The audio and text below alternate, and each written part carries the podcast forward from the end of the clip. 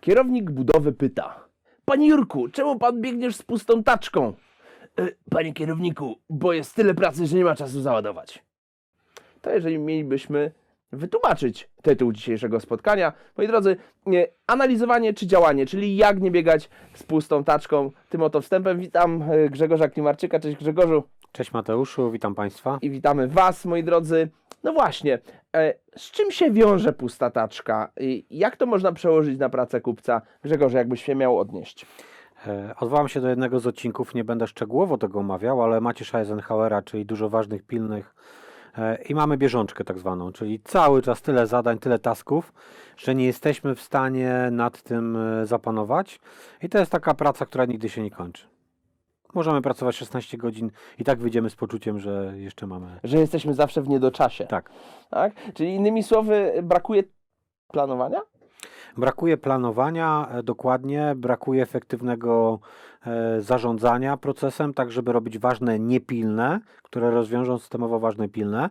Ja wiem, pojawi się kolejne pytanie, tam w odcinku to poruszaliśmy. Jak przejść z tego etapu, kiedy mamy Tak, dużo. tak, Ale tak, dobra, tak, no tak. tu Wam nie rozwiążemy wszystkich problemów, mamy Was zainspirować. Ja Mhm. mogę na podstawie własnym powiedzieć, że ja też biegałem z pustą taczką, też pracowałem po 16 godzin i wychodząc z pracy też mi się wydawało, że, że powinienem pracować dłużej. Był wybitnie niedostępnym człowiekiem przez długi okres, to prawda. Tak, i, i zachorowywałem się tak naprawdę bez sensu. Bo miałem dużo ważnych pilnych, Mhm. bo systemowo nie pracowałem nad ważnymi niepilnymi i niestety 7 lat mi zro, zrozumienie Macierza Eisenhowera zajęło, więc polecam im szybciej, tym lepiej dla Was. A powiedz mi, e, jeżeli miałbyś pomyśleć o konsekwencjach takiego e, zastania się w takiej sytuacji, to o czym myślisz? To znaczy, innymi słowy, e, mm, jakie były negatywne konsekwencje na wtedy takiego działania? Negatywne konsekwencje to przede wszystkim e, moje samopoczucie i, i to, że byłem e, wiecznie rozdrażniony, niespełniony, e, zły i mimo, że dawałem siebie wszystko, to mm, ten, ten wysiłek, ten trud to jest jak zespołem. Biegają, bardzo dużo się starają, przegrywają mecz. Nie? Wybiegali, byli lepsi, no ale przegrali. Nie? To ja też się tak czułem. A jak to wpływało na twoje otoczenie? E, Bardzo źle wpływało na moje otoczenie. Nerwowość wkradła się, zacytuję klasyka naszego takiego wewnętrznego, e, w działania wykonawcy wkradła się nerwowość. tak. Jeden z wyroków Kijo. E, Więc tutaj myślę, że to w ogóle jest złe. Tak samo dział zakupów, który jest zapracowany, który ma za dużo procesów, też y, kupiec działuje, e, znaczy reaguje nerwowo e, i na- e, reaguje bardzo tak e, niepartnersko w tym momencie, bo to w dwie strony działa. I partner Mhm. biznesowy mu też się Mhm. odwzajemnia tym samym, więc zaczynają się wzajemnie zwalczać. Zaczynają się zwalczać, trzeba wymieniać ekspresy do kawy, bo tej kawy proporcjonalnie schodzi za dużo. A, a kto kupił ekspres do kawy? No właśnie. I Nie? dlaczego taki zły? I kolejny powód do tego, żeby się pokłócić. No ale właśnie, czy w takich mm, ramach pracy jest w ogóle y, pole do dialogu? W takich ramach nie ma sensu. Nie ma znaczy, sensu. Oczywiście, że jak ktoś jest bardziej ludzki, mniej czerwony, tak jak w przypadku mnie, no to on załagodzi, ale wtedy będzie, e, będzie, będą dużo gorsze wyniki, będą spadały. Chodzi o to, żeby pogodzić, żeby była efektywność, żeby były bardzo dobre, jak nie zajebiste wyniki, powiem tak, ale żeby też nie było spiny, czyli nie było kołków w dupie. to bardzo dosadne określenie.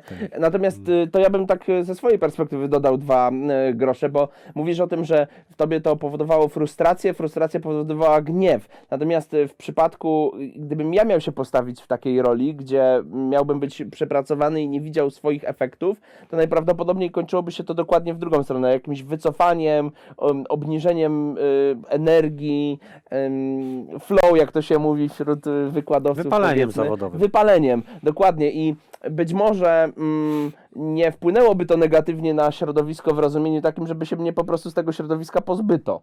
Bo to zależy od kolorów, Tak, e, e, tak. naszych temperamentów. Absolutnie. Żółto, zielony, czerwony, niebieski. Słuchaczy odsyłamy, czy widzów e, do właściwego, mm, do właściwej e, e, otoczeni przez idiotów. To jest Erikson, e, chyba opisał kolory po raz pierwszy. To są nasze temperamenty, nasze osobowości, masz rację. Każdy z nas inaczej reaguje, no ale generalnie Punktem jest tu- wspólnym jest to, że źle. Przegrana, przegrana. Mhm, dokładnie, że tutaj jest przegrane na dwóch y, y, polach. No dobrze, jeżeli mielibyśmy w takim razie coś z tym zrobić, to od czego powinniśmy zacząć?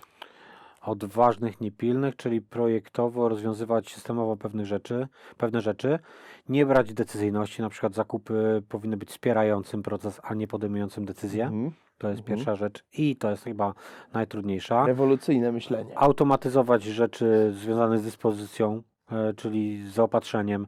Maksymalnie zamówienia powinny się wywoływać jak najbardziej e, samoczynnie. Mówię nawet w tą Mhm, stronę automatyzację, że niektórzy z naszych klientów oczywiście katalogi elektroniczne sobie potworzyli. Jest jeszcze Stosują, tak. tak, jest jeszcze wyższy poziom automatyzacji, czyli maszynę vendingową wstawiam sobie tam, gdzie mogę Mhm. i ona z kartą idziesz i bierzesz zapotrzebowanie, dos, dostawca tym zarządza, więc tam już w ogóle jest zautomatyzowana, także dostawa jest już, można powiedzieć, just in time, jeżeli zadbamy o, o dostępność tej maszyny. To już jeszcze następny poziom zaawansowania, więc tu chodzi o to, żeby nawet niekiedy wykluczać e, platformę zakupową i automatyzację taką, i to jest dobre, e, bo tam, gdzie to jest możliwe, tam, gdzie to jest opłacalne, to maksymalnie posuwać się z automatyzacją, nie Oczywiście bać się tego i w ogóle o- ograniczać. Lepszym, tak, żeby nie było akceptacji, zapo- zgłoszenia zapotrzebowań, to katalogi tworzymy. A kolejną fazą rozwoju organizacji jest to, to stwórzmy ten katalog u siebie, czyli w maszynie vendingowej, nawet na materiały Mhm. biurowe. Mhm. Podchodzę sobie, biorę i mam, nawet na sprzęt, y, klawiaturę, myszkę, inne rzeczy, no wszystko. Mam, kontroluję. Jak mam budżet na karcie, to, to mi zaakceptuje maszyna vendingowa. Jak nie mam budżetu na karcie, to mnie zaakceptuje. Będę musiał po akceptację iść, żeby mi ten budżet gdzieś tam wzrósł i żeby ta maszyna vendingowa wydała mi. E, Czy nawet laptopy, bym poszedł dalej, no ale to już jest bardzo takie, mm, e, bardzo mocno zautomatyzowane, ale wszystko to, co możemy, powinniśmy maksymalnie, to, co nie dodaje wartości w procesie, tak, automatyzować, bo to przyspiesza i wtedy ten e, partner biznesowy, który przychodzi, on to ma na dziś. Dziś ma potrzebę, dziś odbiera. Idzie, bierze, ma. Ła, ale proces zakupowy. A kupiec to raz wykona dobrze proces i potem tylko żyje z tego i nie, nie angażuje się w to. E, zaangażuje się może za 2-3 lata, będzie trzeba przenegocjować, będzie trzeba zoptymalizować, być może poszerzyć maszyny vendingowe. Mhm. Ja mam jedną z dostawców, rozmawiałem i COVID y, wtedy wybuchł. On miał e, mm, catering dietetyczny. Miał już tam klientów, e, bardzo się znamy, lubimy, lubimy sobie pogadać przy kawce w, w sobotę. I on mi mówi tak, wybuchł COVID, połowa ludzi mi zrezygnowała z posiłków, to dziwne trochę, no ale faktycznie być może gotowali w domu dla wszystkich. w pizzy. E, dokładnie. E, I on się nie poddał. I co zrobił? Wymyślił maszyny vendingowe wspólnie z producentem, któremu posiłki dostarczały w covidowych czasach właśnie bezpiecznie na produkcję dwa razy dziennie, nawet częściej w niektórych zakładach dużych. I zautomatyzował sposób, zlikwidował kantyny swoje. Miał kantyny, miał ludzi, miał tam wydawanie posiłków, robienie. Nie, zaczął produkować u siebie, hermetycznie pakować świeżutkie rzeczy, dwa razy dziennie dostarczać do, do zakładu. Pracownik podchodził z kartą, nieraz miał dofinansowanie, nieraz nie miał, to zależało od modelu. Podchodził do maszyny, brał sobie świeży obiad. E, on miał tam informacje na bieżąco, jakie obiady zeszły, jakie trzeba dowieść e, na, na, na bieżąco. Mi, mi krana zrobił. E, No i zamiótł rynek. Pandemia odchodzi, a jego rozwiązanie innowacyjne I zostaje. on już w ogóle zlikwidował wszystkie kantyny. I tutaj, moi drodzy, musimy sobie też na to spojrzeć z lotu ptaka, bo oczywiście y, ym, ta, to bieganie przysłowiowe z pustą taczką ym, będzie miało negatywne e, reperkusje dla nas osobiście, ale jeżeli spojrzymy sobie na całość organizacji, oczywiście możemy w tej bieżączce i w tym biegu zwiększać zyski poprzez inwestowanie w nowe linie, w nowe magazyny, w nowych handlowców, w nową flotę, no ale też możemy ten sam efekt osiągnąć oszczędnością, optymalizacją i, jak się okazuje, innowacyjnym Podejściem. podejściem i procesem i to za, zaoszczędził dwie strony, bo on powiedział, że tak, po pierwsze zakłady jego, które z dużymi współpracuje, znacznie obniżyliśmy koszty, bo nie trzeba wynajmować e, kantyny, ludzi, wydawać tych posiłków, więc e, koszt posiłku spadł o 30-40%, a jakość mu wzrosła. Dlatego, że przy okazji e, linię produkcyjną tam zrobił sobie już efektywną e, w jednym zakładzie, zatrudnił kocharza z prawdziwego zdarzenia z jakiegoś tam pałacu tutaj z Wielkopolski, e, bardzo dobrego. No i mu zrobił nie dość, że wyśmienite posiłki na linii produkcyjnej z dobrych produktów, e, ale jednak produkowane w miarę rozsądnie, nie jak w restauracji. Obiad jak w restauracji, ale jednak podawany pracownikowi e, w formie tutaj e, w maszynie vendingowej. Więc w ogóle m, możemy podejść do tego, że za- zakupy też przecież mogą p- do, przyczynić się do zmiany technologii. E, Nie tylko technolog, ale mm, mam jednego z naszych byłych klientów akurat, z którymi nie współpracujemy.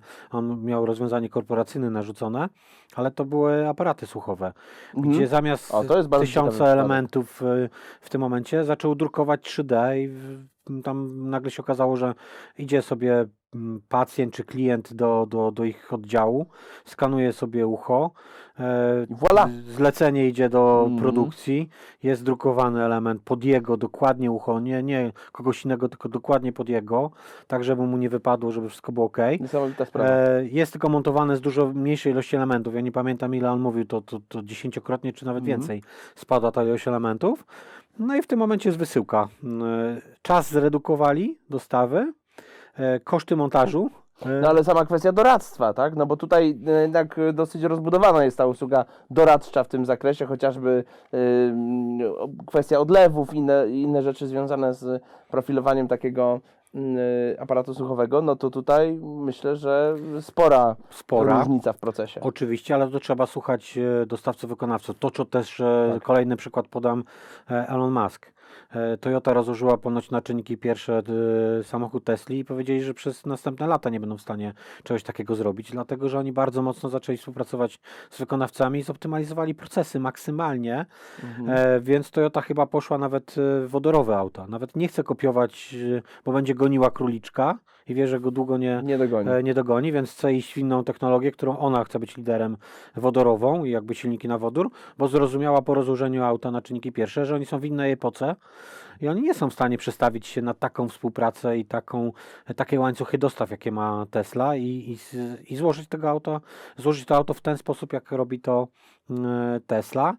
Dlatego, że ci poszli w bardzo mocne łańcuchy, w rozmowy i zaczęli słuchać, e, bo ten branża motoryzacyjna była dość skostniała, hermetyczna, gdzieś taka zablokowana, gdzie to koncerny duże narzucały wykonawcom. A tu nagle pojawia się malutki, on nie jest duży, więc musi z, z, z góry rozmawiać z tymi, którzy są, jego dostawcy byli więksi od niego. Często, na początku tej drogi oczywiście. W związku z tym on pokornie zaczął sobie rozmawiać z tymi e, wykonawcami. Zrobił Mistrzostwo Świata, bo w momencie, kiedy e, gdzieś tam się to napędza, to on ma taką przewagę kosztową, ma tak wysokie marże, które mu pozwalają e, zarabiać na tych produktach i inwestować przy okazji. E, A i tak jest tańszy niż pozostali. I do tego wszystkiego nie jesteśmy w stanie dojść w momencie, kiedy kupiec jest zawalony pracą. em, Bieżączką. Właśnie, typu bieżączka, którą da się śmiało zautomatyzować. Kupiec w, u podstaw swoich kompetencji daje możliwość wykorzystania też przez inne zespoły tej umiejętności właśnie dociekania czy szukania nowych rozwiązań e, i de facto no, jest pewnym project managerem e, samego procesu zdobywania wiedzy. I na tym powinniśmy się skupić w pracy kupca. Moi drodzy, za dzisiejszy odcinek bardzo Wam dziękujemy. Dajcie znać, jak to u Was wygląda. Czy biegacie z pustą taczką? Czekamy na Wasze komentarze. Bardzo chętnie się do nich z Grzegorzem odniesiemy. E, Dzięki Grzegorzu za tę rozmowę. Myślę, że była bardzo inspirująca. E, Ja również dziękuję, dziękuję Wam. Zachęcam do efektywnych zakupów. Pamiętajcie o tym, żeby efektywnie organizować procesy, to potrzebne Wam jest grono wykonawców aktywnych, tacy, którzy chcą odpowiadać na Wasze potrzeby i tego wszystkim Wam życzymy. Do miłego.